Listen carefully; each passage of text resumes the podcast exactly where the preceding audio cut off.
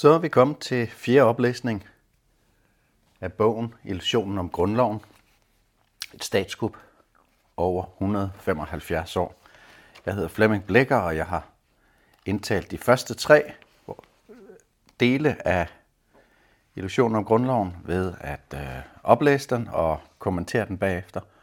Og det vil jeg også gøre nu. Og det afsnit, vi er nået til, det er grundlovsændringen i 1863, novemberforfatningen. Og her skal jeg endnu en gang gøre opmærksom på, at øh, ifølge Folketinget, så har den her grundlovsændring aldrig eksisteret. Grundlovsændring i 1863, novemberforfatningen.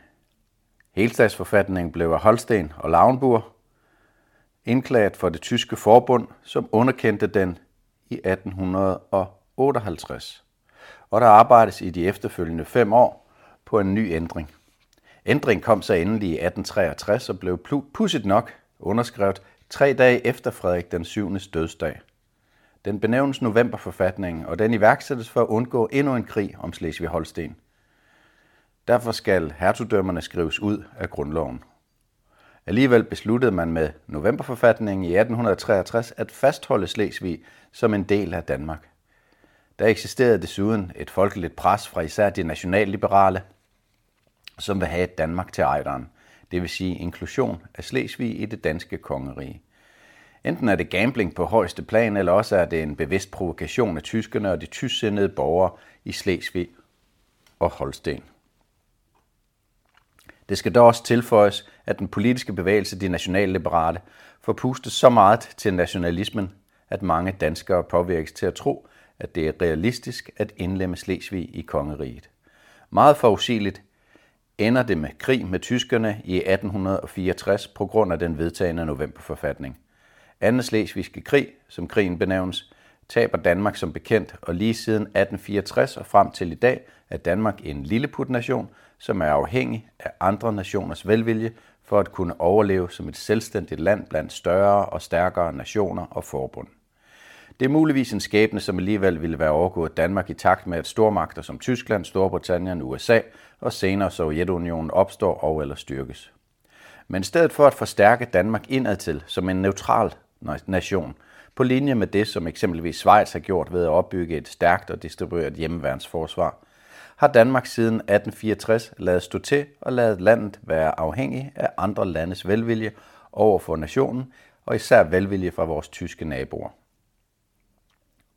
Så med helstatsforfatningen udlades borger- og frihedsrettighederne fra 1849 ved grundlovsændringen i 1863, hvilket indikerer, at der potentielt kunne have eksisteret to samtidige grundlove, skråstreg forfatninger fra 1863 og frem til 1866.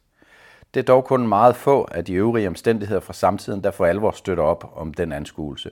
For ordlyden om, at kongen har den højeste myndighed over alle rigets anlæggende, kopieres fra 1855-grundloven, men undgår nu at nævne, at det kun er fællesanlæggerne med hertugdømmerne, der hentydes til, hvilket i den grad indikerer, at man tilsidesætter junigrundlovens gode takter om magtens tredeling. I junigrundloven fremgik det, at kongen kun havde myndighed over land- og sømagten. Nu får kongen den højeste myndighed over alle rigets anlæggende.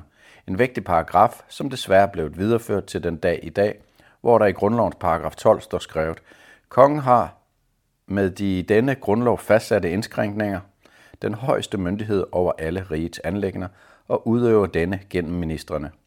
Danmark er forblevet et monarki med meget få begrænsninger for den regerende monark, med meget få begrænsninger for den regerende monark, mens befolkningen bildes det modsatte ind, nemlig at vi i Danmark har folkestyre.